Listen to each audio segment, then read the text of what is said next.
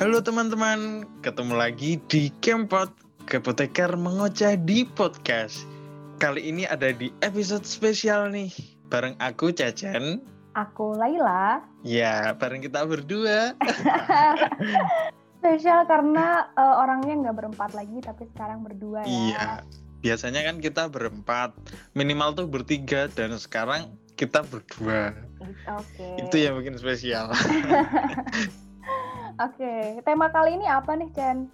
Nah, hmm, mumpung masih pandemi nih, masih okay. pandemi COVID-19 kan?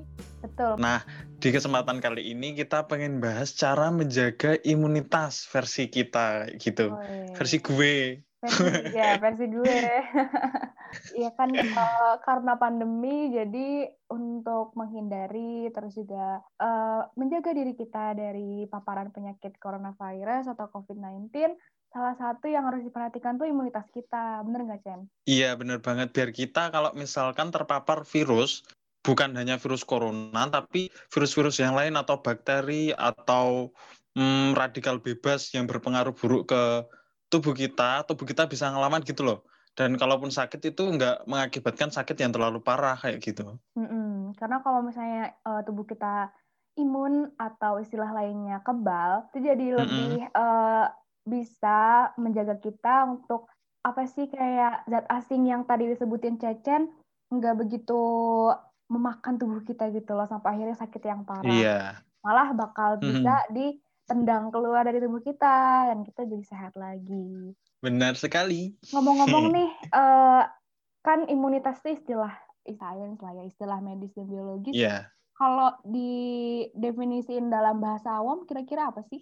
Sebenarnya kalau di masyarakat awam tuh biasa disebut sistem kekebalan tubuh yang udah kamu singgung tadi, sistem kekebalan tubuh atau ketahanan tubuh atau daya tahan tubuh itu sih biasanya kata-kata yang sering dipakai.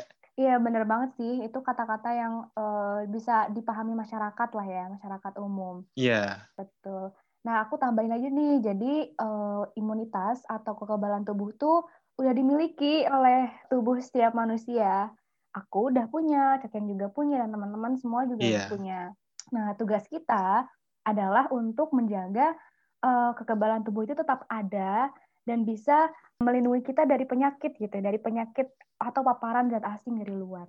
Kayak gitu. Iya. Yeah. Kalau misalnya dalam hal penjagaan sistem imun, kita punya cara masing-masing nih, aku sama Cecen, terutama untuk edisi atau era pandemi ini, karena harus lebih diperhatiin kan. Kalau kali ini kita sharing tentang tips menjaga imunitas yang murah gimana? Boleh, ide bagus tuh. Soalnya kan kalau pandemi gini juga ngefek ke kondisi ekonomi orang-orang kan ya. Bener Jadi banget. banyak PHK, terus pemotongan gaji, susah nyari kerja. Padahal kan kebutuhan kita juga nggak berkurang gitu loh, tetap ada. Bahkan mungkin uh, kebutuhan kita juga meningkat kayak misal work from home atau kerja daring kayak gitu kan butuh koneksi internet. Nah, itu kan menambah kebutuhan kita lagi, ngeluarin uang lagi. Nah, di sini kita mau sharing tentang uh, cara menjaga imunitas tapi yang versi murah nih. Hmm, aku sendiri kalau ditanya tips yang udah aku lakuin tuh salah satunya ini tentang aktivitas fisik. Oh, kayak gimana tuh? Biasanya kan orang-orang eh, di fasilitas gym atau di fitness center kayak gitu tau itu kan bayar kalau kayak gitu. Mm-mm. Dan bayarannya nggak nah nggak murah gitu kan? Mm-mm. Salah satu olahraga yang paling murah itu adalah jalan kaki. Nah jadi aku uh, kalau mau beli makan, aku kan anak kos nih. Kalau mau beli makan di luar atau ke warung atau ke supermarket yang dekat, itu tuh aku lebih memilih jalan kaki kayak gitu. Hmm. Terus selain itu kan aku suka dengerin musik. Iya. Nah itu aku kadang suka Kenapa? dengerin musik yang enak buat joget gitu loh. Jadi oh. aku kadang nggak sadar ngikutin musik joget terus sampai keringetan. Nah, itu kan sebetulnya juga aktif termasuk aktivitas fisik yang baik karena hmm. bisa sampai keringetan kayak gitu sama aja dengan olahraga yang aerobik itu loh. Kayak ya, gitu sih. Hmm, walaupun mungkin aturannya badan kita yang digerakin tuh nggak tertata mungkin ya. Karena free, apa sih yeah. kayak uh, lebih bebas gitu. Tapi yang yang penting kan yeah. ada keringat yang keluar terus juga badan kita nggak diem aja itu better sih, lebih baik. Iya, kalau aktivitas fisik mungkin kayak gitu, kalau yang murah dari yang udah aku lakuin. Terus kalau masalah makanan, untungnya aku punya kebiasaan kayak gini nih. Biasanya aku kalau seharian sama sekali nggak kemasukan buah ataupun sayuran, itu tuh kayak ngerasa enak gitu loh. Jadi Oh, mau nggak mau meskipun sedikit atau bisa dibilang kayak minum es jeruk doang itu tuh sudah sangat membuatku seger gitu loh. lumayan Gitu. ya ada Aku biasanya lah kayak ya gitu. jeruknya konsentrasi sekian gitu di es jeruk Iya, tetap buah itu- kok gitu. jeruk kan terkenal mengandung vitamin C. Nah, itu kan juga bagus buat kita. Itu sih tips dari aku yang menjaga imunitas. Nah, sekarang kalau kamu gimana sih, Lel? Mungkin ada beda perbedaan sama aku tips murah menjaga imunitas gitu. Kalau aku, yang pertama mungkin aktivitas fisiknya. Kalau Cacan kan eh, joget-joget gitu ya sambil dengerin musik. Kalau aku sama pakai musik Iya. juga, cuman eh, olahraganya tuh lebih tertata gitu. Karena ada ada instrukturnya gitu lah di YouTube. Tapi jadi kayak aku nonton video di YouTube. Ada instruktur eh, exercise gitu. Workout entah itu yoga atau exercise biasa.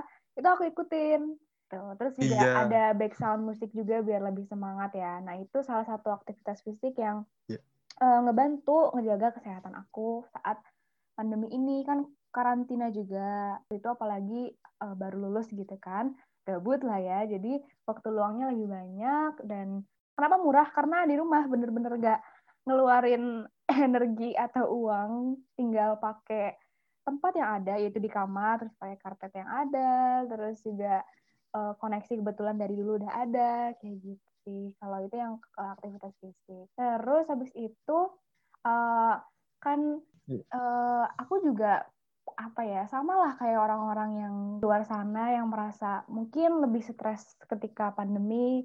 Entah itu karena eh, ekonominya tidak lancar atau hal-hal lain yang terhambat gara-gara pandemi itu kan bisa menyebabkan stres meningkat gitu kan termasuk aku juga Iya. karena ya semuanya serba daring terus nggak bisa ketemu sama teman-teman dan lain sebagainya jadi aku pun harus bisa cope atau mengatasi diri aku eh, supaya nggak stres terlalu berlebihan gitu kan salah satunya kalau Iya. aku tuh lebih ke me time entah itu kayak perawatan wajah gitu perawatan wajah tubuh sendiri terus Em, baca buku buku-buku yang buku-bukunya tuh eh, udah lama gitu loh tapi belum aku baca. Nah ini jadi kayak kesempatan gitu kan buat namatin buku-buku yang belum aku baca. Sama oh iya iya. iya sama mungkin dengerin podcast orang-orang gitu yang eh, bisa nambah wawasan gitu kan. Terus juga nonton YouTube atau nonton film. Pokoknya hal-hal me time yang bisa bikin aku lebih relax. Kayak gitu sih Iya. kalau dari aku. Oke, cukup menarik ya. Nah, itu teman-teman, semoga sedikit yang kita bagikan ini bisa bermanfaat buat teman-teman. Teman-teman juga selalu sehat. Amin. Em, karena ini dari Kepoteker, kita punya tagline. Iya. sebelum sebelum diselesaikan podcast ini, kita tagline dulu ya. Siap belum, Chen? Siap dong. Oke. Kepoteker, we know, We know, we, we share, share, we care. we can. Terima kasih teman-teman yang sudah mendengarkan. Yeay, terima kasih. Yeay.